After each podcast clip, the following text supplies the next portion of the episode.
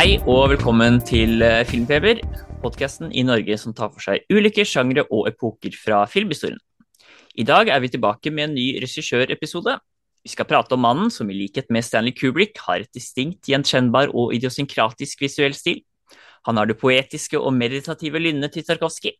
Han har komposisjon og romforståelse til Antonioni, og han klarer i likhet med Bergman å utforske såre, eksistensielle temaer rundt det å være menneske, uten å drukne i billig sentimentalitet. Vi snakker selvsagt om regissøren Yasuhiro Osu. Oppmerksomme lyttere vet kanskje at Osu lagde et hav av filmer, så det blir ikke som tidligere regissørepisoder vi har hatt, hvor vi tar for oss alt. Vi skal hovedsakelig snakke om den mest kjente trilogien, Noriko-trilogien, og ikke minst hans eh, filmatiske stil. Og så kan vi også supplementere kort med litt ekstra filmer i tillegg. Da tenker jeg at vi kan starte på episoden. Jeg heter Pål Gundersen, og med meg på denne oseanske odysseen har jeg fått med meg ingen ringere enn mannen som ble så ivrig av å se Osu-filmer at han ikke så godt bestilte flyreise med madammen til Japan. Selveste Tommy Larsson, velkommen. Oi, oi, oi. Hei, ja. Takk, takk for at jeg fikk komme, holdt jeg på å si. Nå er jeg jo fast her, men det høres nesten ut som Jeg følte meg som en skikkelig hedersgjest, jeg nå. Og den, Det er eh, og den eh, flotte introen der, det høres ut som du burde skrive bakpå Criterion-coverne. Ramser Ja. opp eh, alt han er Ja. god på. Mm. Ja, nei, det var, det var jo Jeg må jo innrømme at turen ble bestilt først, men, eh, men det var ikke langt unna. Det var ikke, det var ikke langt unna. Måtte først se hele Noriko-trilogien når jeg først var i gang, så da passa det godt med en liten Japan-Osu-spesial. Mm. Så får vi høre når du er tilbake om du har eh, fått med deg noe filmrelatert. da. Om du har kjøpt noe fysisk format eller et eller annet sånt. da. Jeg må nok komme med en liten eh, rapport eller referat når jeg kommer tilbake. Det kan ikke ignorere film eh, totalt når jeg er der. Det er jo, du har jo vært der, som vi kanskje har nevnt før, og du har jo noen tips, så det skal du ikke se bort ifra. Det skal du ikke se bort ifra. Eh, ja, og så må vi si godt nyttår til eh, hverandre, holdt jeg på å si, og eh, lyttere. Vi er jo nå Ja. tilbake, og ja, tenkte vi kunne starte litt med litt Osu. Nå er vi jo vi er faktisk inne i vårt fjerde år her, som vi starter jo i 2020. Mm. Så vi er Vi er blitt en skikkelig traver, vi nå. Ja, det vil jeg si. Kanskje ikke antall episoder, men eh, vi har fall og Vi har jo, som man kanskje merker, mista en her òg. Ikke permanent, bare så det er sagt, men uh, bare oss to i dag også. Men eh, vi, vi holder det gående, så det skal vi klare litt utover i dette året òg. Og så uh, liten bare info i starten, så jobber vi fortsatt med Sight and Sound-episoden. Jeg og Tommy har også fått uh, magasinet fysisk i posten. Eh, og så ble jo også i dag, når vi spiller inn episoden, Oscar-nominasjonene eh, sluppet. Så vi skal jo også ha da, i tradisjon tro, en episode med Hedvig da, om, eh, om Oscar-filmene. Ja, det må vi jo. Det må vi jo.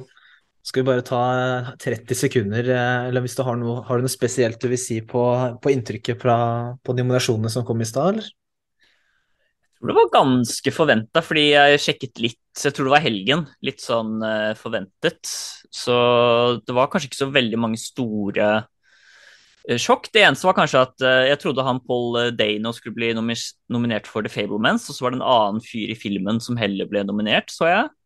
Og Ja. så trodde jeg jo i hvert fall Maverick eller Avatar skulle få foto, da. Det var også overraskende at ingen av de fikk foto, vil jeg også si. Ja. Men veldig gledelig at Avatar fikk produksjonsdesign, da, for det er sånn som lett kan glemmes når det er digitalt.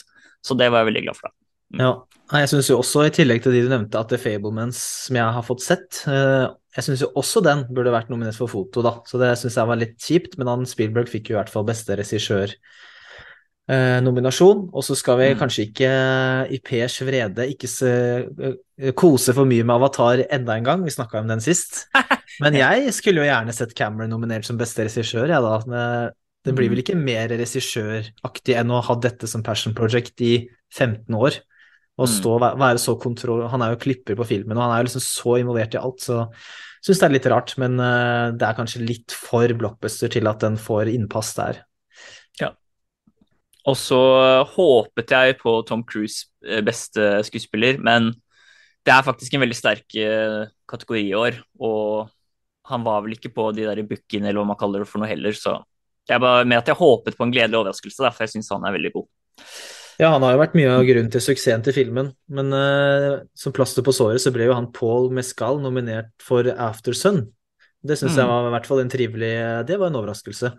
Mm. Så det var gøy. Og så fikk jo Top Gun fikk jo mye andre nominasjoner, så det, den, den, det er jo liksom blockbusternes år. Mm. Så, men det er vel Brendan Frazier er vel en av favorittene der, sammen med Colin Farrell i den kategorien, så mm. Jeg gleder meg veldig til The Whale, kjenner jeg, når den ja. kommer. Ja, det blir spennende. Men nice. Osu er vel ja. kanskje det vi skal snakke om nå. Osu, ja. Jeg eh, kan bare ta litt uh, minifakta først. Han Gjør det. Eh, det er ikke sikkert alle vet så godt Nei, om det ikke sant. Han er litt sånn Jeg tror mange har hørt om han, men kanskje det stopper der for noen. Jeg vet ikke. Vi får, får prøve å få han litt ut av en eventuell glemsel, da, i så fall. Fordi mm. han ble født i 1903 og døde i 1963, på bursdagen sin, faktisk. Sin 60-årige bursdag. Og han bodde sammen med moren sin ugift hele livet, som jeg tror også kan ha en litt sånn innflytelse på tematikk og sånn, som vi kommer tilbake til senere. Mm. Og hun døde også da eh, like før han, jeg tror det var når han skrev 'An Autumn Afternoon', som er hans siste film. Eh, så de bodde så å si sammen hele livet. Uh, og han var jo også da uh, en av de største i det som nå i ettertid har blitt kalt for the golden age of Japanese cinema, som var en periode hvor veldig mange nye regissører blomstret både innenlands og utenlands. Og det strakk seg vel fra eh, slutten av 40-tallet og inn til midten av 60-tallet, eh, med bl.a. Eh, Akira Kurosawa, Kenji Misuguchi, Masaki Kobayashi og Mikio Naruse, da, som kanskje de mest kjente ved siden av Osu. Og i samtiden så var det Kurosawa som var den utvilsomt mest populære i Vesten. Han uh, fløy rundt på Cannes og Venezia og det som var. Mens Osu var ikke så liksom, kjent i utlandet, men han var liksom den klart største og mest populære i Japan. da. Så det liksom både cineaster og eh, mannen i gata var veldig glad i Osu sine filmer i samtiden. Og så var det vel først kanskje på slutten av 70-, starten av 80-tallet hvor liksom Vesten begynte å at filmene hans ble mer tilgjengelige i Vesten, da, og han begynte å få mm. litt sånn eh, anerkjennelse. da. Så det fikk han da altså ikke i, i sine levealder. da. Mm. Men det tok vel uh, hans mest kjente film, 'Tokyo Story', som vi skal snakke om etterpå, det tok vel var det nærmere 20 år før den uh, gikk på kino i USA? Det er jo ganske oppsiktsvekkende med tanke på hvor utrolig stor status den har i dag. da. RF Sight and Sound, som vi kommer til seinere, hvor den alltid triumferer på toppen, men det er likevel en film som ikke var ikke var uh, slo gjennom i Vesten før nærmere 20 år etter den kom. Mm. Og med Kobayashi så var det jo enda senere, så det har vært liksom litt sånn tilfeldig at liksom alle de jeg nevnte var liksom veldig store i Japan, men uh, det var liksom ikke alle som fikk uh, sikkert mye med rettigheter og produksjon, og de var jo så standhaftige med liksom filmcompanyene sine, ikke sant. Noen var alltid Shizoku, og noen var alltid Toho, det kan jo ha vært litt så, sånne ting også, da. så kan jeg spille inn. Mm. Ja, og så er det jo mulig det har noe med markedsføring å gjøre òg, for de, lest, de, er jo så, de er jo så Japan-spesifikke at de var vel en det var vel, Jeg syns jeg leste noe om at det var snakk om at de hadde ikke så stor tiltro til at de kom til å slå så godt an heller, fordi det handler mm. så konkret om, om det å være, leve i det moderne Japan etter andre verdenskrig, da. At det kanskje mm. ikke appellerer til alle utenfor, men eh, tvert imot så er det jo i å, være så, i å være så spesifikt, så blir det jo veldig universelt, da, og handler jo om ting som er relevant hele verden over. Det blir jo akkurat samme som med italiensk neuralisme og, og de tingene der, at uh, å skildre vanlig liv, og, eller Apu-trilogien fra India, eksempel. Mm. At det er, ikke, det er jo det er spesifikt, men det er også universelt, da. Mm. Jeg er enig. Så kan vi jo snakke litt om eh, Osu sin visuelle stil, før vi begynner på eh, Noriko-trilogien. De som ikke aner noe, så er jo da uhyre geometrisk eh, filmspråk, da. Det er eh, rett og slett firkanter inni firkanter, som kanskje er liksom det aller mest lette å, å si. Eh, og det er også da ofte liksom stablet at mennesker er ofte også inni i disse firkantene. Altså de også er liksom geometrisk konstruert inn i komposisjoner. Eh, og det er liksom så mye symmetri og gylne stritt og som jeg nevnte i introen, det er nesten bare Kubrick og kanskje eventuelt West Anderson da, som på en måte har så fokus på et nærmest sånn matematisk, eh, visuelt eh, filmspråk. Ja, samtidig som det føles kanskje Det føles mer naturlig enn hos de to, eller i hvert fall mer naturlig enn hos West, da. Ja. Selv om det er veldig sånn Det er på en måte veldig stilistisk og ikke, fordi eh, han gjør det jo så enkelt på en måte ved at han setter kameraet på gulvet stort sett hele tiden og får deg til å være en, en, i rommet, men han gjør det ikke noe sånn Selv om det kanskje er avansert sånn fotomessig, så syns jeg det fremkommer ganske naturlig og lite avansert når du ser på det samtidig. Mm. Det, og han klipper jo veldig ofte til stille rom mellom dialogscener. Og det er også en sånn veldig ting som går igjen hos han, som du legger veldig merke til. Mm, ja, jeg er helt enig i at uh, de har veldig forskjellig stil. Så det er ikke at det liksom er samme, men det er på en måte noe likhet med uh, hvor matematisk og symmetrisk det er, da. Det var det jeg på en måte prøver å få fram. Og han har jo et uhyre fokus på uh, gjenstanders plassering, f.eks. Mm. vaser, tekanner, blomster, bøker. og alt dette her er liksom veldig stilisert. Da. Så han brukte veldig lang tid på å sette framen. Så selv om eh, kameraene bare ble mer og mer statiske. I de siste filmene er det jo kun statiske shots. Eh, så er det egentlig forarbeidet som tar veldig lang tid. Hvordan man mm. liksom eh, setter inn framen og ofte da eh, hvis eh, et eh, menneske sitter nede og reiser seg opp, så tar han ofte et klipp der. Så hun da kommer inn i en ny firkant etterpå, da. Mm. så det er veldig sånn uhyre detaljert med det enkle, på en måte. Mm. Ja, hvert klipp føles veldig Det er aldri noe tilfeldig der. Jeg fikk nesten litt sjokk når det ble masse bevegelse i en av filmene vi skal snakke om etterpå, men kan vi, vi, kan ta det litt når vi kommer dit, kanskje. Eh, du, vet, du skjønner kanskje hva jeg tenker på. Vi har vel ikke nevnt hva filmene heter engang, men det er jo en av, de, en av de hvor det er litt mer bevegelse enn i de to andre. Ja, og de aller siste tre filmene, tror jeg, så er det kun statiske. Så han, ja. han drev liksom og eh, pusset og pusset på denne stilen. Da. Og som du nevnte, kameraet nesten alltid langt nede. Det jo kalt for tatami-shots, fordi de sitter jo på disse tatami-mattene ofte. Veldig mange av filmene er innendørs i disse mm. skyvedørs eh, japanske klassiske rommene. Og så er det også shot, reverse shot, men rett foran ansikter. Så det er litt annerledes enn den klassiske over skulderen. Eh, kamera er ofte rett på, men det er ikke alltid at nødvendigvis personen ser rett inn i kameraet. Ofte ser personen litt skrått mm. eh, i disse kryssklippene. Så de sier ofte én setning hver, og så klipper de. Eh, uten at kameraet beveger seg, da. Mm. Ja, jeg satt og tenkte på at når jeg så filmen at det ser ut som de har bare satt seg ned foran et kamera og prata, og så har de klippa det sammen etterpå, så det ser ut som en samtale. Men det blir jo veldig, det flyter veldig godt likevel. Mm. Det er veldig deilig å ikke få den her over skulderen. Jeg syns det er rart ingen andre har plukka opp den her stilen, egentlig. Den, eh, det er mye deiligere å se på. Mm. Og Så kan jeg også nevne litt om eh, en bok som jeg har lest eh, egentlig i sommer, og så har jeg lettlist, lettlist om igjen nå. da. Den heter eh, 'Transcendental Style in Film' og er laget av ingen ringere enn Paul Schrader. Og da er egentlig Osu, Dreyer og Bressot de han snakker mest om, da, for å liksom snakke om disse filmene. Så jeg skal prøve å liksom nevne litt om det, så man kanskje får litt bedre forståelse for Osu før vi begynner på filmene.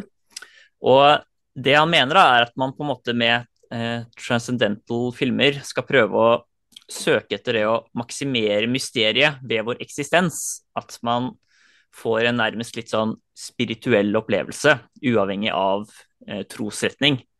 Og jeg kan jo føle litt på det samme når jeg for eksempel ser Andrej Rublev. da, Så føler jeg veldig sånn at filmen virker veldig sånn sterk spirituell, selv om jeg ikke er kristen i det hele tatt. At den klarer å få en litt sånn kraft da, mm. eh, med disse filmene. Ehm, og så er det også det som du nevnte så vidt med Osu, at eh, ikke alle scener skal ha liksom direkte sånn nytteverdi med klipp, sånn montasje. Men veldig ofte, egentlig både i Bressot og Osu, at man ser et tomt rom, en karakter går inn, og så forlater rommet, og så blir vi igjen i rommet i en tagning. Da. At det blir på en måte mm. et meditativt stille rom. Eh, mm. Eller at vi også kan bli igjen i et rom med en karakter etter konfrontasjon. Det er ikke så ofte man ser i mm. andre filmer, eh, men du ser liksom en person sitte igjen og kanskje er litt trist eller ja, eh, preget av eh, situasjonen, da. Og så bygger han på videre i boken at dette liksom er, har vært litt av forløperen til dagens slow cinema. Da. Han nevnte vel noe sånn at det startet med tolv sekunders fergeklipp i Tokyo Story, og så endte opp med tolv minutters kuer i Satan Tango. At det var liksom ja. der, da. ja. Mm. Jeg er litt enig i at det er starten på slow cinema. Kanskje særlig Nå blir det vanskelig ikke å foregripe, da, men kanskje særlig Tokyo Story syns jeg beveger seg litt saktere enn jeg kunne huske. Mm. Og det er ganske mange scener som, hvor de bare sitter igjen etter en samtale eller en konfrontasjon, som du sier. Men også disse klippene inn til stille rom, og, men også naturlandskapet rundt er det litt av i den. Og tog som kjører, og et fjell, og, mm. og det bygger jo, under, bygger jo veldig under de scenene man har sett. Så får liksom, det er akkurat som du skal sitte og tenke litt på det du har sett, og få en pause, på en måte. Mm. Jeg kan bare nevne det kjapt, da, hvordan han liksom tar det mer direkte mot Osu. Mm. Eh, og det er jo at Osu bygger jo litt på litt sånn zen-buddhisme. Eh, og det passer jo veldig bra med den ja, transcendental style. Eh, og det er et ord, som jeg vet ikke om du har hørt, på japansk, som heter ma, eh, som betyr nothingness, egentlig. Og det handler om nettopp det, da, å ha små pauser mellom eventer og ting som skjer, eh, slik at seere kan liksom trekke inn stemning og bygge opp forventning før noe nytt skal skje, da. Miyazaki snakker også ofte om det i sin, Ma i sine filmer. da. Og Oso har gjort dette med det man kaller pill of shots, som er egentlig bare det å vise flere statiske bilder for å skape nettopp en meditativ følelse. da. Så klipping er på en måte noe av det aller viktigste i Oso sine filmer for å få fram det meditative. Eh, at du liksom også gir en større kraft i helheten. Så jeg kan komme med to kjappe eksempler. Mm. en er fra An Autumn Afternoon, hvor de da har sitter på pub, det er en sånn pubfilm, og har en diskusjon, da.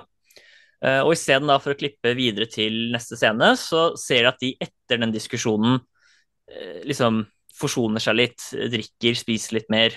Eh, så klipper de til en helt tom gang, og så til neste prat, da. Så jeg syns liksom det er en av de scenene, og det er det masse av videre som vi kommer tilbake til òg, men jeg syns den liksom klarer å bygge opp at liksom de har forsont seg litt ned. Og så kan jeg ta én til, hvor han bruker faktisk mer sånn visuell, symbolsk overførende. Det er en film som heter There Was a Father, hvor det er en krangel først. Og når den blir ferdig, så viser den eh, et bad som damper utenfor et hus. Så klipper han til en tekanne som damper, og så klipper han over til at de står og fisker hvor de da liksom tilsynelatende har hatt en forsoning og står og fisker sammen. da. Mm. Så er på en måte dampen et symbol, kanskje, da, eller kanskje jeg ser for mye inn i det, men at liksom det å få ut steam og krangle seg ferdig, og så er de liksom ja. fornøyde og står og fisker sammen, far og sønn. da. Så han har litt sånn eh, Ja, jeg syns alltid liksom Klippingen er noe av det jeg liksom syns er mest interessant med, med Osu, da. Mm. Ja, absolutt. Det Ja, jeg er veldig enig i det. Jeg jeg så jo også at eh, et lite intervju med Paul Schrader på YouTube hvor han var inne på litt av det samme. Men der snakka han også en del om det at uh, Du var kanskje litt inne på det, men det å la et shot stå litt lenger enn vanlig, uh, og ikke, ikke, vise en aktivitet, men heller kanskje fravær av en aktivitet, mm. og, og, og at det å holde tilbake informasjon, og så komme med mye informasjon, kanskje ikke mye i OSU-sammenheng, men at det kan være et virkemiddel også, som kommer fram i en sånn type scene. Mm. Og det er jo en scene i Late Spring hvor en karakter er glad, eller eh, ja, i hvert fall nøytral, og så klippes det til en tom vase i et rom, og så klippes det tilbake til personen, og personen er trist. Og det er mm. liksom et veldig sånn kjent OSU-shot, da, sånn hva er det egentlig det betyr, og det finnes flere Det er en YouTube-video som tar for seg jeg tror det er kanskje ti forskjellige filmkritikere som har kommentert det shotet. ja, det og, alle for, og, alle har forskjellig mening. Så det, det er helt, det, dette med at han klipper til gjenstander og så tilbake til Etter en krangel, f.eks., som du sier, det, det er, man, man, kan lure Jeg får vel aldri helt vite hva han mente, men uh, jeg syns ikke du mm. ser for mye inn i det med den uh, Steam-kanna, uh, egentlig. Ja, for det er liksom ofte enten to ting. Enten er det litt den derre meditative følelsen at du er litt sånn suding, eller så kan det være at du føler på litt sånn tomhet. At du trenger å bearbeide en trist scene mm. før det begynner på igjen, da. Han har liksom Jeg syns han på en måte klarer å gjøre det både positivt og negativt. Og i Norco-trilogien så er jo noen filmer mer triste enn andre òg, så jeg syns han liksom klarer å ja, balansere begge, egentlig. Mm. Jeg liker også, Det jeg også liker med at han ofte klipper til scener uten mennesker, er at det gir liksom en følelse av litt sånn ja, Det kan ofte gi en det gir meg en sånn følelse av levd liv, da, eller at det er veldig ekte, det vi ser på. At, vi, at, han skal ta seg ti sekunder til å vise et tomt rom, at liksom tiden går, og at kanskje dette her er bare, er bare noen mennesker i det hele, av de store og hele. Det er kanskje ikke så viktig det, egentlig det vi ser på. Mm. Og det, det syns jeg han får veldig fram. Men jeg, jeg, skulle kanskje til og med ønske at de var lengre, noen av de, men det det får vi jo senere i filmhistorien, da, som Schrader er inne på. Ja, og så har han flere og oftere også etter hvert. Eh, du har ikke sett de aller nyeste, eh, siste han lagde, men der er det ofte sånn Kan det være tre-fire Billover-shots på rad, kanskje, da. Mens mm. i de her er det kanskje én eller to etter hverandre.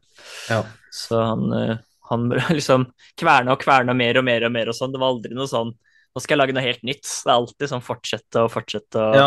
prøve å spissformulere stilen sin til en høyere enhet, nærmest. Ja, han er jo nesten litt som Woody Allen, at han lager det samme filmen gang på gang. Og det skal vi mm. komme tilbake, vi komme tilbake til, for de er jo ikke helt, u, helt forskjellige, disse tre heller. Nei, så ja, liksom Altså, tematikken er jo ofte liksom det at det er modernitet mot uh, tradisjoner, føler jeg, da. Og også da generasjoner unge mot eldre, og veldig sånn den klassiske japanske skikken med liksom høflighet og ydmykhet.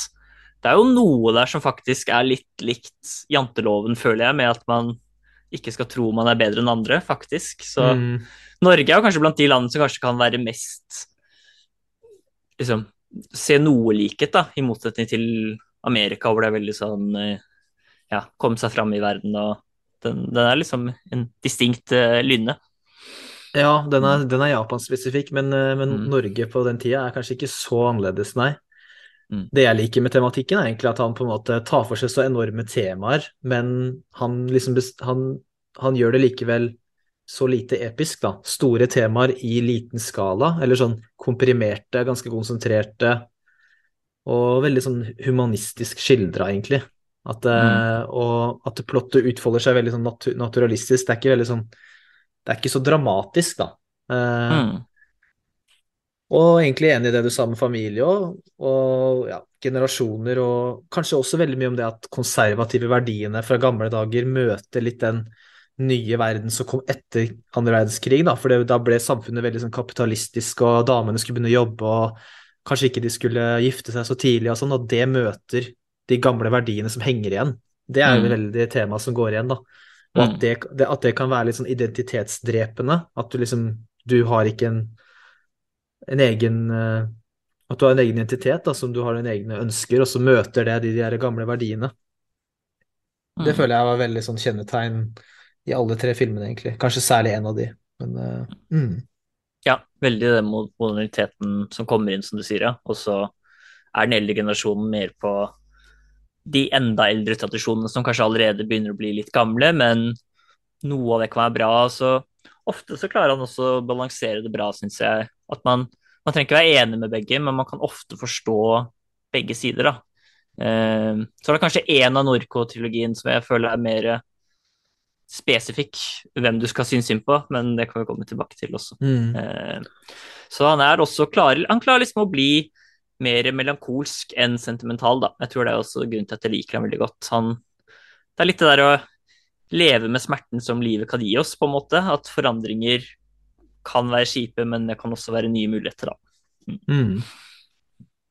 Nei, skal vi, skal vi, gå over til uh, den første filmen? Vi, kanskje, vi bør kanskje nevne alle tre filmene nå? Ja. Det er jo Late Spring 1949, Early Summer 1951 og Tokyo Story 1953.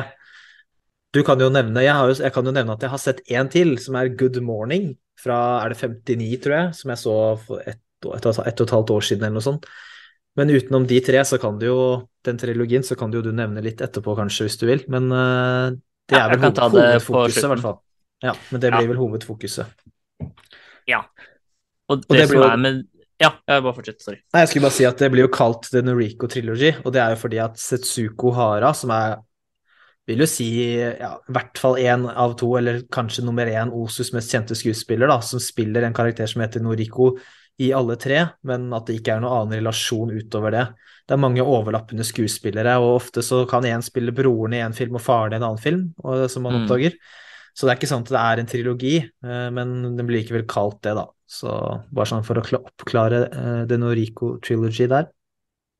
Mm. Det har sikkert vært litt sånn som eh, Triers Oslo-trilogi, at eh, det var ikke tenkt som en trilogi før, men man ser en slags eh, sammenheng Mm. når filmen er laget, da. For det Ja.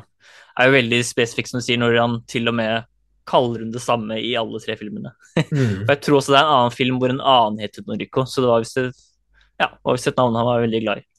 Ja, det må ha vært det. Det må ha vært Mm. det. Nei, Late Spring, det handler jo da om eh, egentlig det å forlate redet, da. Det er da altså en enkemann som eh, bor alene med sin eh, voksne datter, som er vel eh, var 26 eller 27 i den her, tror jeg, eller noe sånt. 27, ja. Mm. Ja. Eh, og så eh, har liksom hun ja, tatt veldig en tradisjonell rolle og liksom hjelper ham med alt å vaske klær og lage mat og liksom det hans da avdøde kone gjorde for han da, eh, når hun levde. Og så eh, gjennom egentlig både en hva businessvenn og søsteren hans, da hennes tante, eh, så begynner han å få en mer sånn overbevisning om at selv om han er veldig glad i henne og vil at hun skal bo der, eh, så er det nok for det beste for henne, da, mener han, at eh, hun gifter seg og da flytter ut med henne, da. Eh, så et litt sånn ja, slags arrangert ekteskap, da, som var som ikke er noe vi driver med nå i Norge i 2023, men som i Japan på den tiden var veldig vanlig, da. Mm. Og her kommer jo inn det med en gang det med at på en måte samfunnet mener at du skal ha en type rolle som strider imot egentlig mot din identitet, da, og både for faren kanskje og for dattera, da. At det er ikke nødvendigvis sånn at noen av de egentlig vil dette, men samfunnet er sånn, og de må på en måte følge reglene, da. Mm.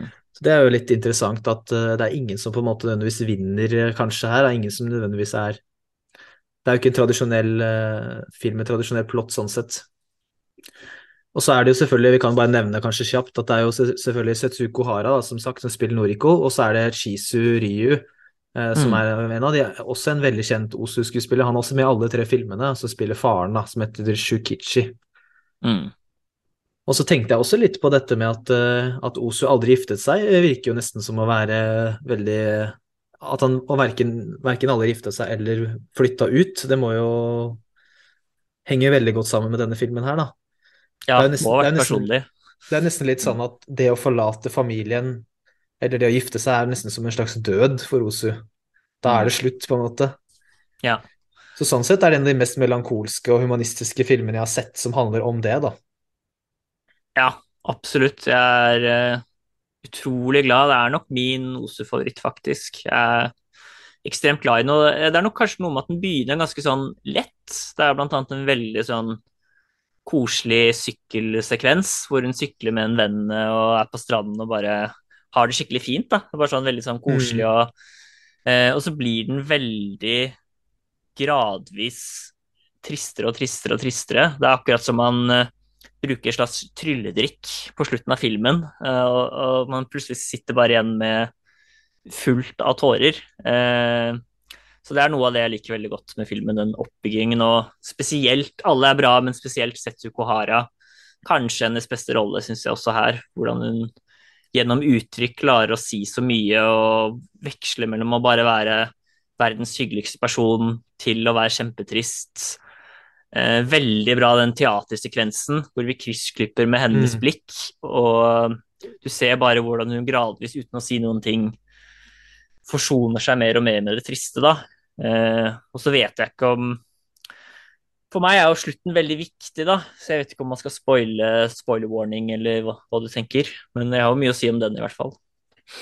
Nei, Men, dette, er, dette er så gamle filmer at det, jeg Ja. tenker at det er greit, det. Så får du, hvis du er veldig sensitiv, så får du skru av, men det er jo ikke noe stor spoiler, spør du meg. Nei, for det går jo som det må gå. Hun, mot sin vilje, eh, blir jo da gifta bort, og da drar de på eh, en siste tur sammen eh, til Kyoto, hvor jeg Mm. faktisk har vært selv. Eh, og det er en veldig kjent sånn rock garden som heter Yuanji tempel, med masse sånne steiner i sanden. Og der begynner han, har han sånn veldig sånn meditativ eh, stemning, da, hvor du bare ser dette her og virkelig klarer å trekke inn stemningen. Mm. Eh, og så er det jo den hvor hun skal giftes bort etterpå, hvor det bare føles ut som hun skal sendes til døden, nærmest. Altså, den Mm. er så trist, den scenen. Og så igjen det vi snakket om litt tidligere. Etter hun har dratt, så ser du han sitte igjen, da. Eh, som man ikke så ofte ser på film. Tenkte jeg veldig på Aperajito av eh, Apu-trilogien, faktisk. Eh, hvor han sitter og er bare helt knust. Jeg, bare, jeg har sett den før, men jeg begynte å gråte igjen sånn i slutten. Den er så trist. Og så bare klipper de til bølger som slår inn, da, og du bare åh, livet er brutalt. Ja, Huff a meg. det er så trist. Ja. Ja, den er, eh, den er veldig trist. Eh, Jeg liker så godt at den er så enkel òg, eller sånn, ikke på en negativ Mm. måte. Den er så minimalistisk og komprimert historie. Jeg hadde jo egentlig bare sett Tokyo Story og Good Morning fra før, og den her, den her slo meg som enda mer sånn fokusert, da, eller jeg vet ikke helt hva jeg skal si. Den, samtidig som den er jo veldig meditativ og sånn, men den er likevel fokusert, og den konsentrerer seg så mye om det den skal fortelle. Mm. Og alle de, alle de stille scenene føles også konsentrerte, på en måte, i det tempoet den går i. Mm. Så jeg eh, Og jeg syns også altså Setsuko Hara spiller dritten ut av den filmen her. Hun er en sinnssykt bra skuespiller, og det er ikke noe sånn til å være 40-tallet. Det, altså, det er sånn uavhengig av det, da. Mm. Ofte så, ofte så kan man jo reagere, i hvert fall når man begynner å se gammel japansk film og sånn, at, eller asiatisk film, da. Mm. Og det er jo mye overs, overspilling eh, fra Toshiro Mifune i Syv samurai, liksom. Det kan de fleste se, i hvert fall til dagens standard. Men hun, hun spiller jo så bra, og hvordan hun er så trist, eller så glad i starten av filmen, da, og når det begynner å gå mot giftermål, at hun, hun skur, er som å trykke på en knapp. Hun blir bare sånn Nå er hun trist ut filmen, på en måte. Og så er det noe annet på slutten òg, hvor hun delvis forsoner seg, men hun, hun er så god til å være bytte på Vise stemningen så tydelig, da. Ja. Jeg, jeg leste jo til og med at hun Hun sa jo i et intervju at hun bare holdt på med skuespill for å tjene penger, og ikke for noe annet. Ingen lange filosofiske monologer om hvorfor hun gjorde sånn og sånn. Hun var så, så enkel, bare Det var en måte å tjene penger på. Det er nesten Mm. som å høre John Ford eh, når han sa han, han lagde filmer i Way of Making Money, liksom. Ja, Så så jeg- hvorfor ble du Hvordan kom du til Hollywood? Toget, var det ikke det? Han har god humor, da. Ja, Eh, ja, så jeg bare Det er helt sinnssykt at hun sier det, at hun bare gjorde det for å tjene penger, for hun elevater jo filmen veldig med sitt nærvær, da. Den hadde ikke vært så bra uten henne, tror jeg. Ja. Og han Shisuri er også veldig bra, men jeg føler hun stikker av i akkurat den her, ass. Jeg syns han er sånn jevnt god i alle, eh, men akkurat den filmen så er det jo på en måte hun du sitter igjen med. Men eh, han gjør liksom alt riktig, han òg. Veldig sånn streng i starten, og så etter hvert Akkurat som man skjønner liksom litt hva han er i ferd med, ferd med å gjøre, da. Så Mm. mm, veldig Veldig bra film om egentlig bare det å eh, forlate redet, og at eh, man, kanskje man kjenner mer på det hvis man får barn noen gang. At, uh, som, eh, du får det jo veldig sånn trist fra foreldrenes perspektiv òg, da. Ja. Det, det er jo bare for sånn Det er jo virk, det er virkelig din Osu-favoritt. Mm. Så jeg lurer, jeg lurer kanskje litt på hva som gjør at den topper lista. Jeg vet ikke om det er kanskje litt vanskelig spørsmål å få, men eh, du har jo, vi har jo snakka nettopp om hvorfor den er så bra, da. Men Mm. jeg, ja, jeg vet ikke. Nei, det er jo kanskje bare de tingene at den jeg synes den er, den, den, er jo liksom den som begynner med alt det som kommer etterpå, da, dette pillover-shotsen og at han plutselig klipper til en uh, grønt fjell og alle disse tingene her, da, som på en måte ble så bra etter hvert. Så dette er litt sånn starten på Osu, føler jeg litt, da. Han gjorde jo Mm. noe annet før, men de er ikke så idiosynkratiske, de tidligere filmene hans. Uh, og så er det liksom Setsuko Hare sitt livs rolle. Eh, Det er nok den jeg blir mest grepet av, tror jeg. Og så har den også et veldig sånn, som alle filmene, et fantastisk eh, visuelt filmspråk i det enkle. Og, og ja, hele den sekvensen når de drar på det tempelet og ja. Så det er liksom egentlig bare de tingene jeg snakket om. Men mm. uh, jeg kan allerede røpe at jeg er veldig glad i hele Norco-trilogien. Så Mm. jeg blir, jeg blir positiv uh, veien ut. Ja. Mm. Vi får også legge til at uh, vi sa det vel i stad, men eh, tidenes beste shot av en vase er i Late Spring. Ja, er faktisk. ja. En veldig trist fase. Ja. ja. Neste film i trilogien er jo Early Summer fra 51. Uh, ja, for å si noe kort om plottet først. Uh, Setsuko Hara er fortsatt Noriko. Bor i en stor generasjonsbolig i den her. Uh, den er litt annerledes sånn sett. Det er ikke bare hun og en trist far.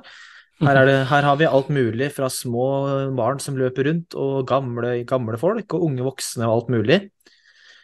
Eh, ellers, bortsett fra det, er det relativt likt, fordi hovedplottet er egentlig at en gammel onkel kommer på besøk til storfamilien, og Noriko er 27-28 i denne også, og han begynner å spørre om eh, hvorfor skal du ikke gifte deg snart? Og hun tar det egentlig først med et smil, men så utvikler det seg til å utvikle seg litt utover i filmen, da.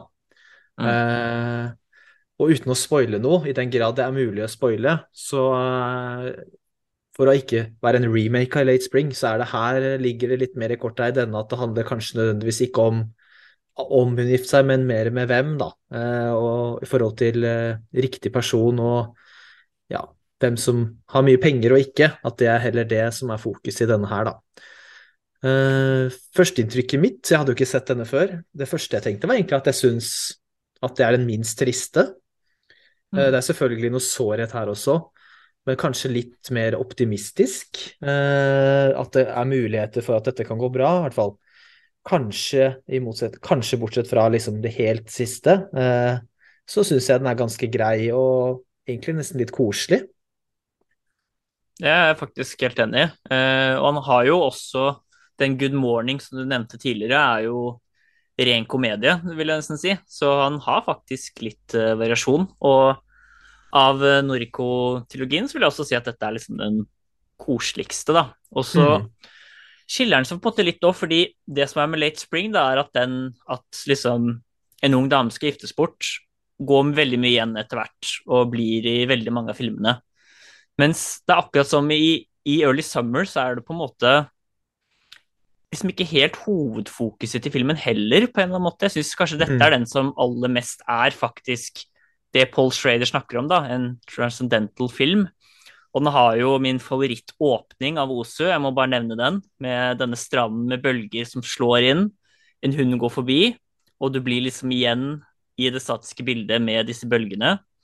Klipper til en stor, frodig topp med trær, samtidig som vi akkurat ser enden på et hus hvor det henger noen fugler. Så klipper de inn til en gang hvor det står fuglebur med fugler i. Og så klipper man til bestefaren i huset som driver og mekker noe slags te. Sitter liksom midt mellom alle fugleburene som går over han. Og så er det et nytt klipp på en måte i samme rom, men da er det zoomet ut. Hvor man får hele rommet med denne bestefaren sittende på tatami-matten i midten. da.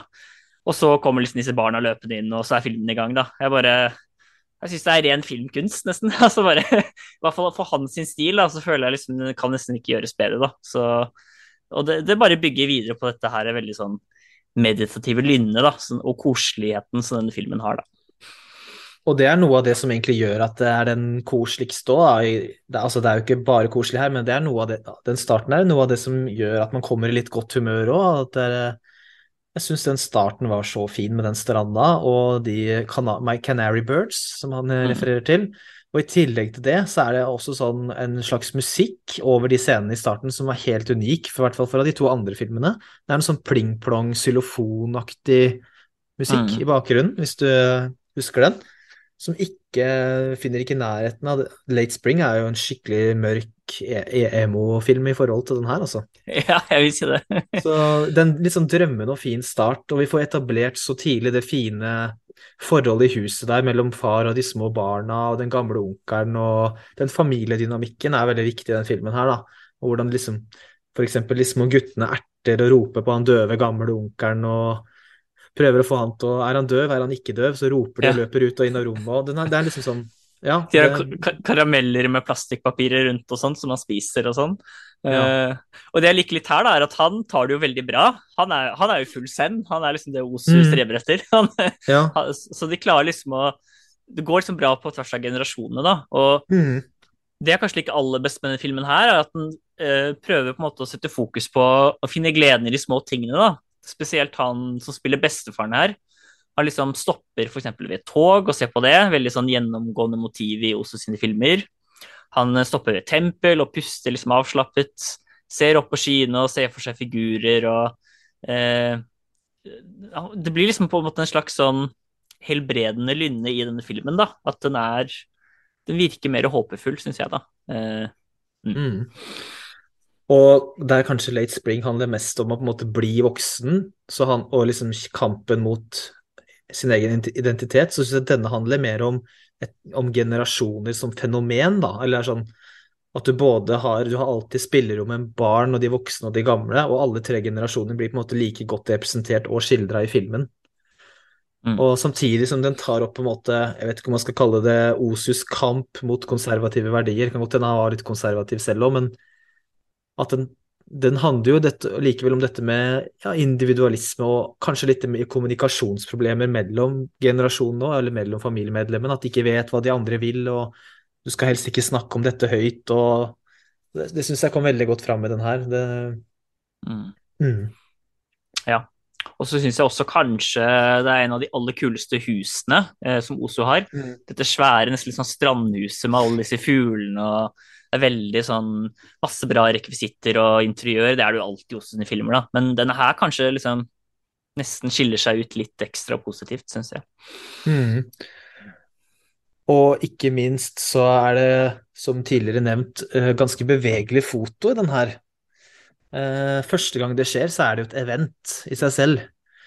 Noriko går ut av bildet, og kameraet plutselig går innover i gangen. Jeg holdt på å ramle av stolen.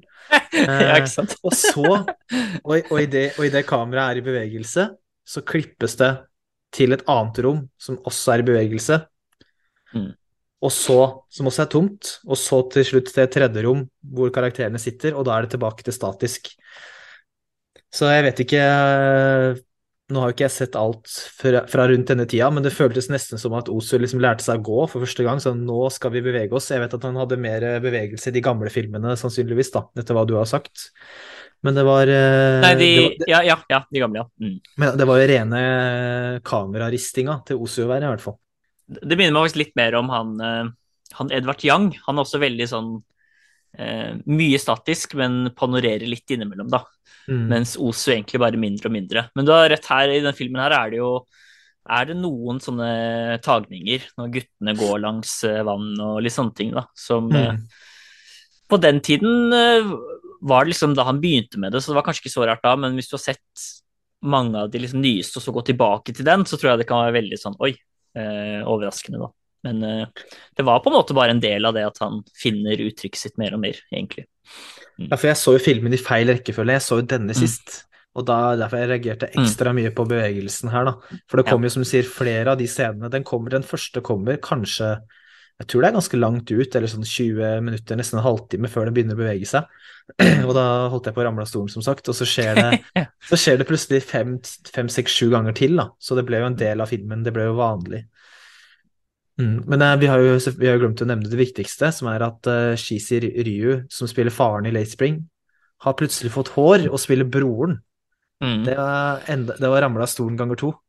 Han er veldig ofte den uh, snille, fornuftige eldre faren, men her er det en annen som egentlig spiller akkurat den rollen han pleier å ha. Jeg syns mm. egentlig han også han var veldig bra. Han tror jeg nesten ikke er med i noen andre Rose-filmer. Nei, han, han, hadde et ja. veldig fint oppsyn og var liksom passa ja. sånn koselig fugleinteressert eh, bestefar. Ja. Uh, og så har du han andre som var eldgammel, så da var han kanskje for ung til å spille, han onkelen som du snakker om. Mm. Uh, men så er han en litt yngre fyr, da, som uh, er den som er mest ivrig på at hun skal gifte seg. Og det er også litt sånn komikk at han har gjemt seg bak noen sånne skyvedører og spionert, og det er litt sånn Og de små mm. barna som vil ha disse toggreiene, og ja, han har liksom en del morsomme ting. Mm. Ja, det der tog, togskinnersideplottet minner meg jo om Good Morning. Ja. Hvor de hele tida maser om det. Og... Så det er nesten som en slags blanding av eh, Late Spring og Good Morning, det her egentlig. Ja, faktisk. og storfamilien til neste film. Yes. Ja, det er riktig.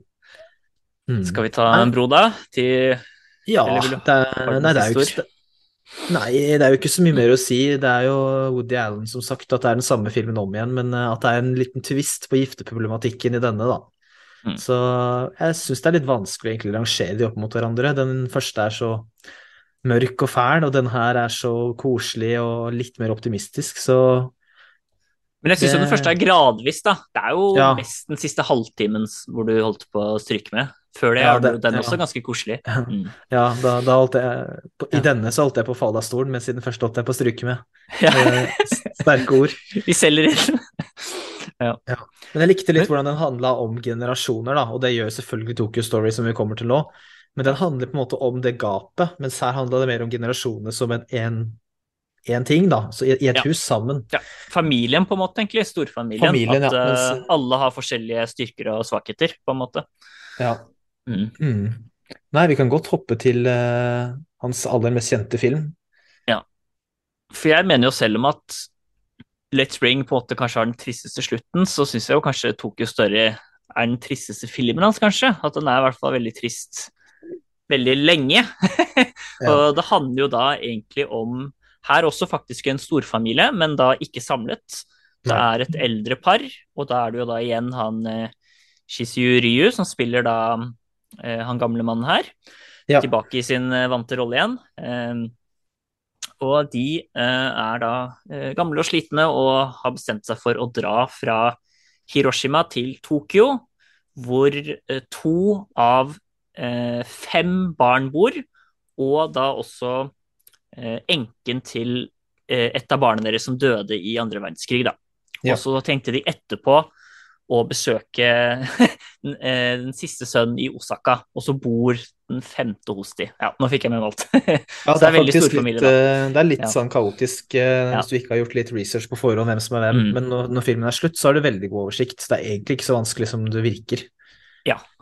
Eh, og her er det jo da igjen familiegenerasjoner og modernitet mot tradisjon. For det som på en måte filmen handler om, da er jo det at da disse to barna de har i Tokyo, eh, ikke bare ikke har tid til de, men eh, virker nesten litt sånn oppgitt over at de kommer. Så de føler seg jo veldig eh, tilsidesatt da, av liksom de barna sine. Og det er jo da egentlig Noriko, som da ikke er familie med blod, som er på en måte den som tar seg best av de da, og ja, passer på de.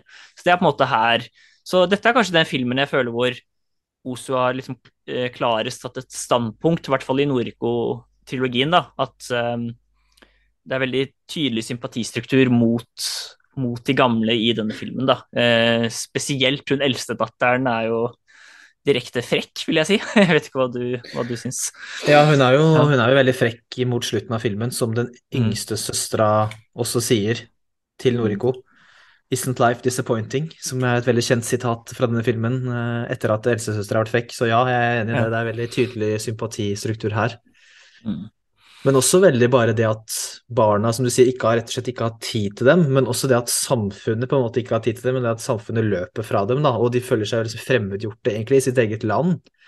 Og Mm. også, i, også i Tokyo, hvor de nesten ikke har vært, eller om de har vært der i det hele tatt. De har vært veldig lite der, i hvert fall. Mm. Så her kommer jo, som vi har nevnt, da, tydeligst fram det at det konservative møter det moderne, og hvordan det spriker den kjernefamilien som vi ser i Early Summer, da. Og hvordan, hvordan det Ja.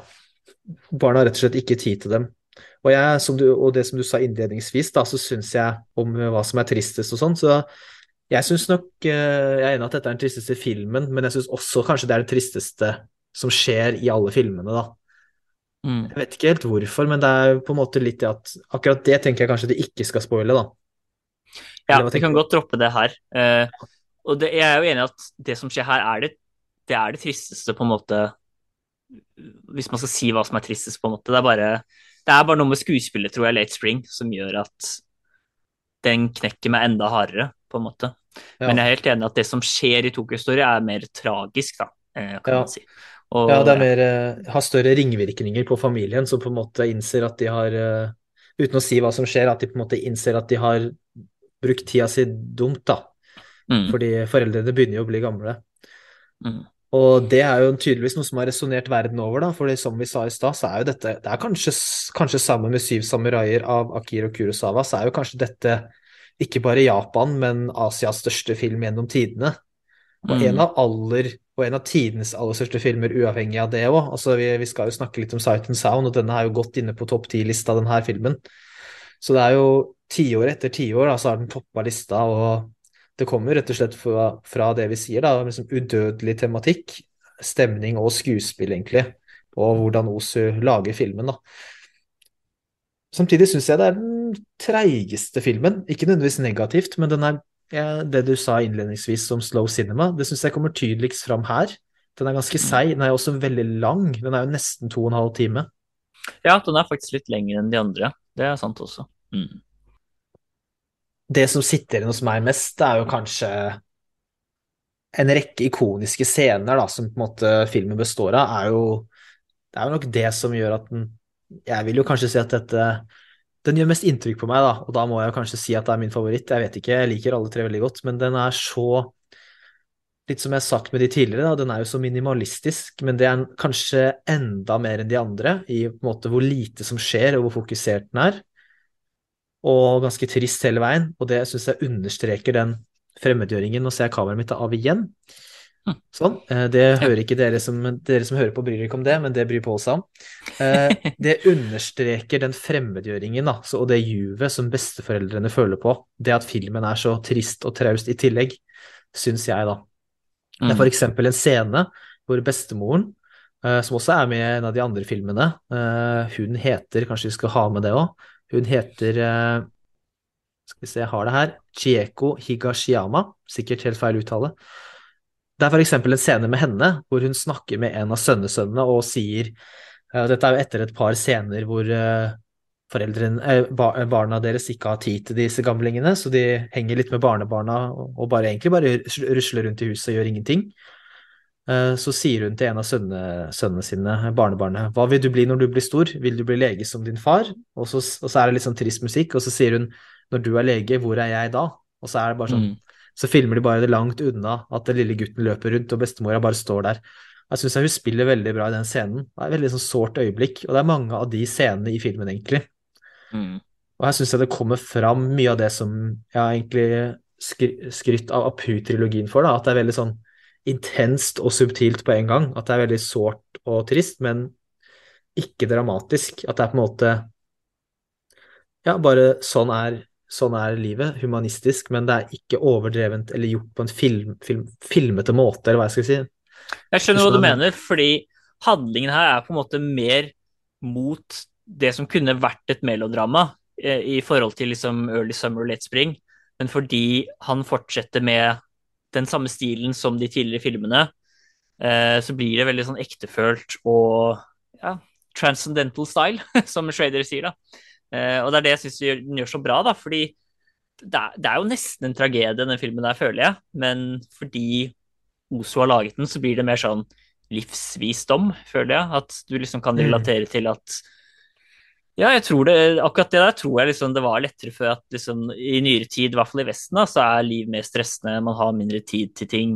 Uh, så det er nok noe sannhet i det. Når du allerede følte det på 50-tallet, så kan du jo tenke deg hvordan det er nå, liksom. Yes. Så jeg skjønner, det, jeg skjønner, det, veldig godt at det var liksom et enklere liv før, da, og det har både negative og positive sider, selvfølgelig, men kanskje akkurat på det der å få tid til de eldre var det sikkert bedre før, da, vil jeg tro. Mm. Tenk, å vise, tenk å vise Osu TikTok-algoritmen. Ja. Modern life. Ja.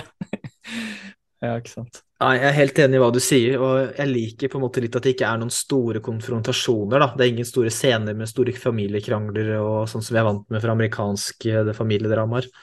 Det er, mm. mer det, det er mer det usagte som er det tragiske, på en måte. Det at vi ikke får tid til Du får ikke engang tid til å ta krangelen. Det bare, livet bare visner ut, på en måte.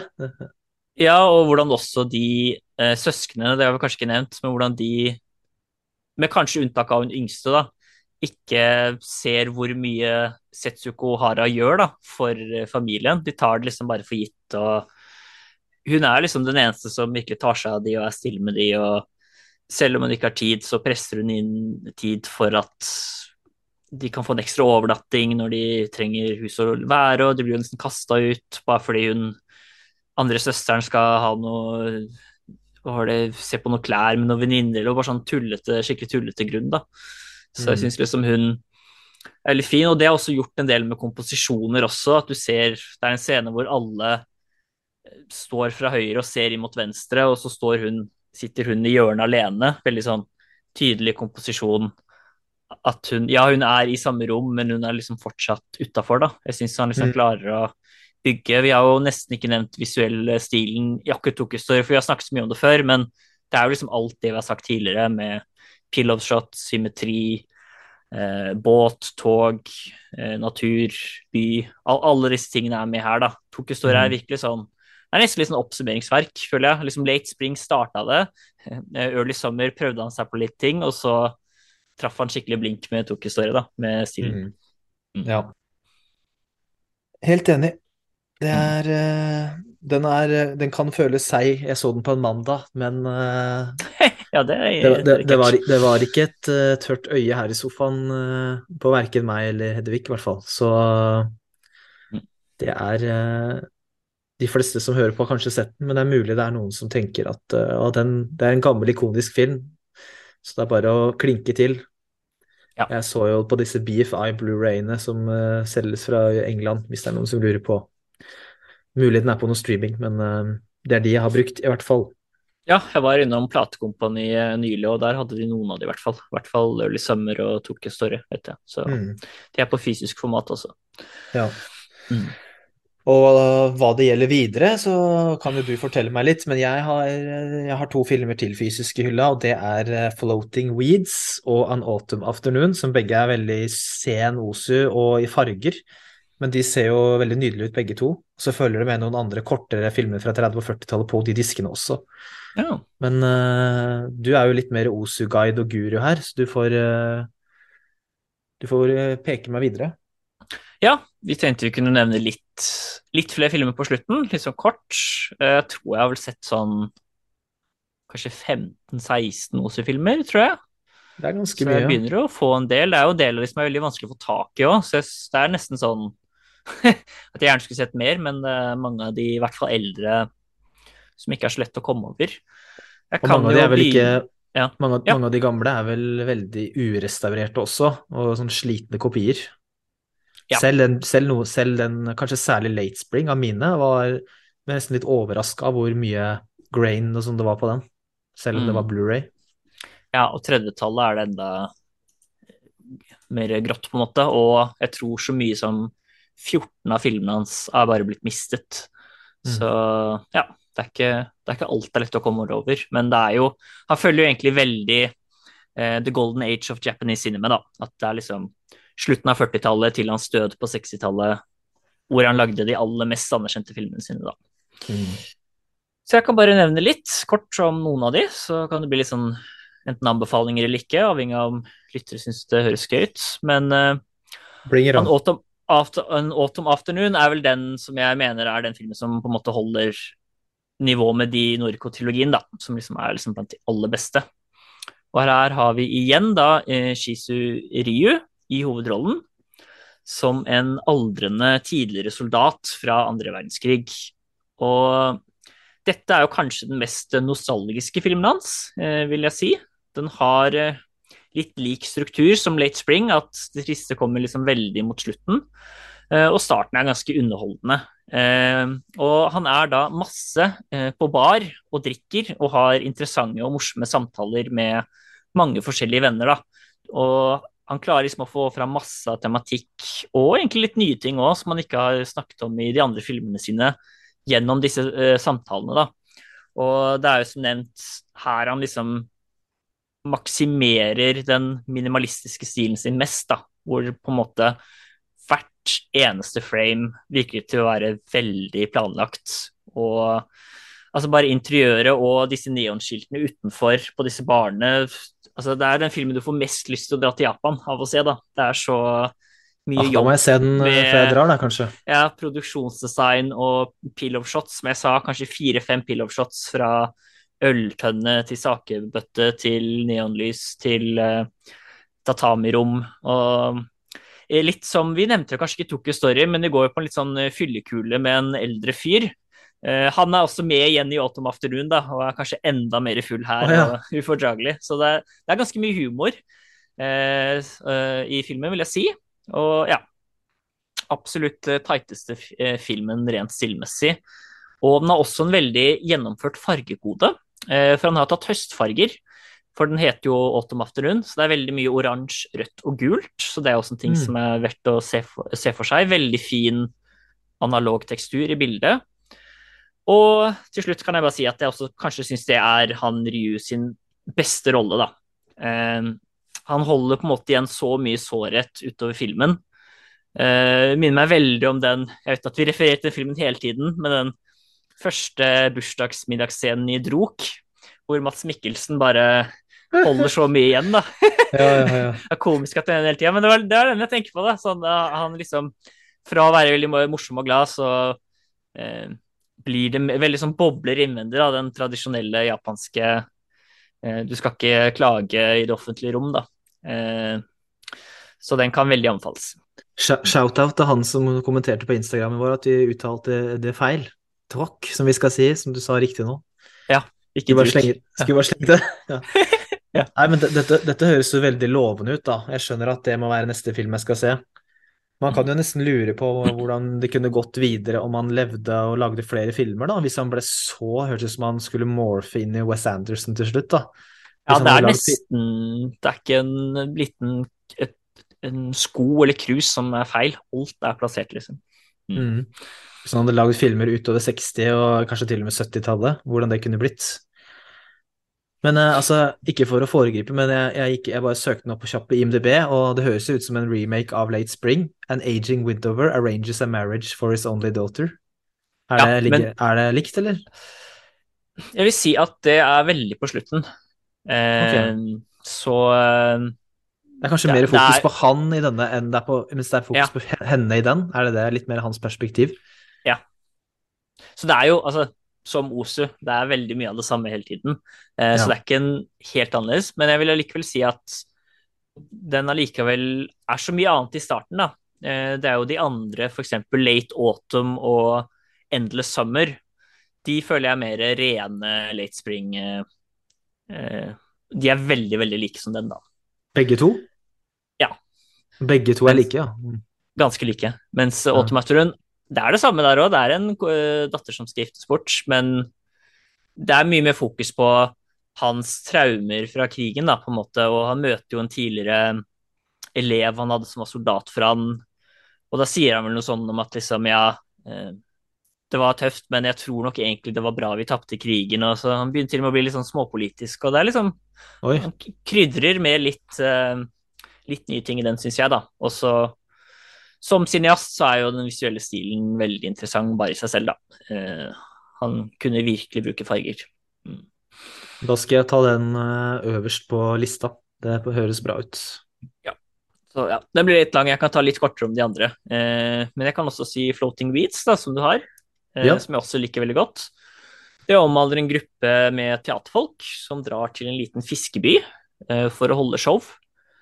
Det er nok kanskje den jeg syns, selv om jeg skrøt veldig av Automaterunde, da, så kanskje dette er den som er hans vakreste film, da, rent estetisk, Oi. vil jeg si.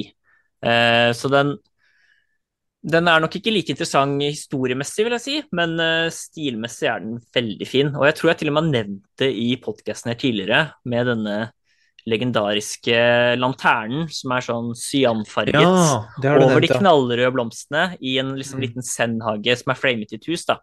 Og det er min favorittshot av Osu. Eh, av alt han har laget, på en måte. Så den Spennende. kan anbefales. Ja, det høres jo eh, sånn ut. Han er veldig god på farger, altså. Selv om han bare gjorde det i sånn fire-fem filmer. Så du må liksom se den delen av Osu også, føler jeg. Mm. Mm. Har du noen morsomme litt sånne rogue eh, snålevalg òg, eller noen sånne kuriositeter? Ja, jeg kan si den There Was A Father, som jeg nevnte så vidt. Den er tidlig ja. 40-tallet har han ikke satt helt stilen sin. Eh, men den, den, tror en, faktisk, eh, den, tror jeg faktisk, følger med på en av de, en, en av de to jeg har. Å oh, ja, ja. Som sånn disk to. Mm. Ja.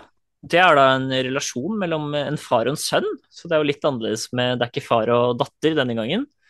Ja. Eh, og der er det nesten litt mer Det er på en måte motsatt av Tokyo Story.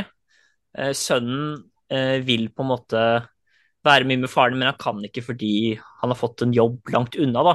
Eh, Mm. Og det er på en måte liksom det at han skal prøve å finne tilbake til faren sin eh, for å gjenoppta den fine kontakten, da. Eh, og så har den liksom litt spennende ting med, som jeg nevnte, med dette med symboler, og den er liksom litt annerledes enn de når han liksom fant stilen sin, men eh, jeg likte den veldig godt, så den kan også anbefales. Det er også Father. Og så kan jeg eventuelt helt til slutt nevne en som heter Tokyo Twilight, som eh, Jeg vet ikke om han har hatt en annen fotograf, for han har jo nesten samme hele tiden, men den har altså utrolige mørke svarttoner. Altså jeg tenkte med en gang på liksom Gordon Willis i Manhattan. Altså det er så Mm. kølsvart uh, lyssetting, da. Så den får en nærmest sånn film noir-estetikk. Og her er det faktisk et mysterium som skal løses. Det er Oi. jo ikke vanlig i Oslo sine filmer. Så den er også liksom som Så det er i hvert fall også litt sånn som skiller seg litt ut, da. Eh, at eh, ja. Litt sånn eh, litt annerledes stil og ja, handler om liksom andre ting, da. Selvfølgelig, selv om det fortsatt er trygt innenfor familiens grenser, så er det noe litt sånn uforløst og uforklarlig, da, som de må finne opp i. Jeg ser at det er Så- samme fotograf på den som det er på okay. nesten alle de andre fra 50- og 60-tallet. Til og med good, både Good Morning og An Autumn Afternoon og alle de Da andre. har han kanskje bare prøvd seg noen nye lamper og eh, skyggerekvisitter, da, kanskje, i denne filmen der. Mulig, Jeg tror du ser det når du ser den. Veldig kontrastfullt. Og Tokyo Story og alle de der er jo nesten mer sånn grå, nesten. At det er ikke så sterke kontraster der. Mm. Mm. Jeg ser at uh, en som jeg også har sett har fått er en del anerkjent, er en som heter uh, I Was Born But prikk, prikk, prikk. Ja. Er det en du har sett, eller? Ja, den er veldig anerkjent òg, men den ble kanskje litt for gammeldags for meg, eh, vil jeg si. At der er det på en måte nesten ikke noe av stilen, og det er jo stumfilm, og Aha. karakterene er litt mer karikerte. Ja. Og, eh, så den er veldig anerkjent, så det kan godt hende du liker den, men det ble for lite Osu for min smak, da, til at Ja. den liksom kom opp i det store. Så det er egentlig There of Father er egentlig et unntak, den er jo tidlig 40, men uh, utover den så syns jeg egentlig fra Late Spring til Autumn Afternoon så er liksom de beste filmene, uh, Mm. vil jeg si, da. Mm, kult. Nei, men da har jeg litt uh, De fleste du nevnte, er jo de jeg har. Noen av de i hvert fall. Så da Ja. Skal jeg få Da beklager jeg at jeg ikke var like godt forberedt som deg, men vi har i hvert fall fått prata en del Osu uansett, da. Så lytterne har jo fått, fått en deilig japansk sprøyte rett inn i filmlåret sitt. Ja, ikke sant? Nå har vi litt forskjellig, og så er det mange flere òg, men som vi sa, han har så mange filmer, så skal du gå gjennom alle, så må vi sitte her hele dagen. Så det var mer sånn Ta Norco-trilogien og så et par ekstra eh, anbefalinger, da, som jeg kan bare ramse opp igjen hvis noen ikke fulgte med. Det er da An Autumn Afternoon, Floating Weeds, There Was a Father og Tokyo Twilight, da. Kan være en Mm. grei sånn Og eventuelt også den andre du sa, den derre I Was Born But, for den er veldig anerkjent, så Mm. kan hende at folk liker den bedre enn meg, da. Det kan hende. Ja. Mm. Nei, men kult. Da har jeg litt jeg skal se videre, og så har jeg litt jeg skal Får vi se om det blir noe Osu-sightseeing i, i Tokyo. Jeg kommer jo ikke til å Har ikke snakka så mye om turen min, men jeg kommer ikke til å jeg Er ikke der lenge nok til å ta en skikkelig valfart rundt i landet, men eh, det er mulig det er noe eh, filmrelatert eller Osu-relatert jeg likevel kommer til å få med meg. Jeg er litt usikker. Fikk faktisk ikke billetter til Ghibli-museet, for det er eh, helt utsolgt. Men Mm. men det er vel noe annet jeg kanskje kan finne på, så får vi se kanskje en selfie fra Osu-grava. Nei, selfie var kanskje litt stygt å si, men Bilde, ja. Eller noe ja. plakater eller eh, blader, eller hvem vet. Eh, ja, det er noen filmplakatbutikker som er mm. Jeg skjønner at jeg må ta en titt inn på. Mm. Mm. Nei, men da er vi kanskje ferdig med Osu, da. Det er liksom hans uh, distinkte, enkle, mediterende stil og hans fokus på familier som uh, har gjort at i hvert fall du og jeg har eh, satt pris på han, vil jeg, vil jeg tro. Mm. Mm. Absolutt. Absolutt. Så da er det egentlig bare å si takk for i dag, og så kommer vi med mer informasjon etter hvert med Sight Sound, da, når, eh, når den tid kommer. Ja, dere får bare bear with us. Den kommer etter hvert.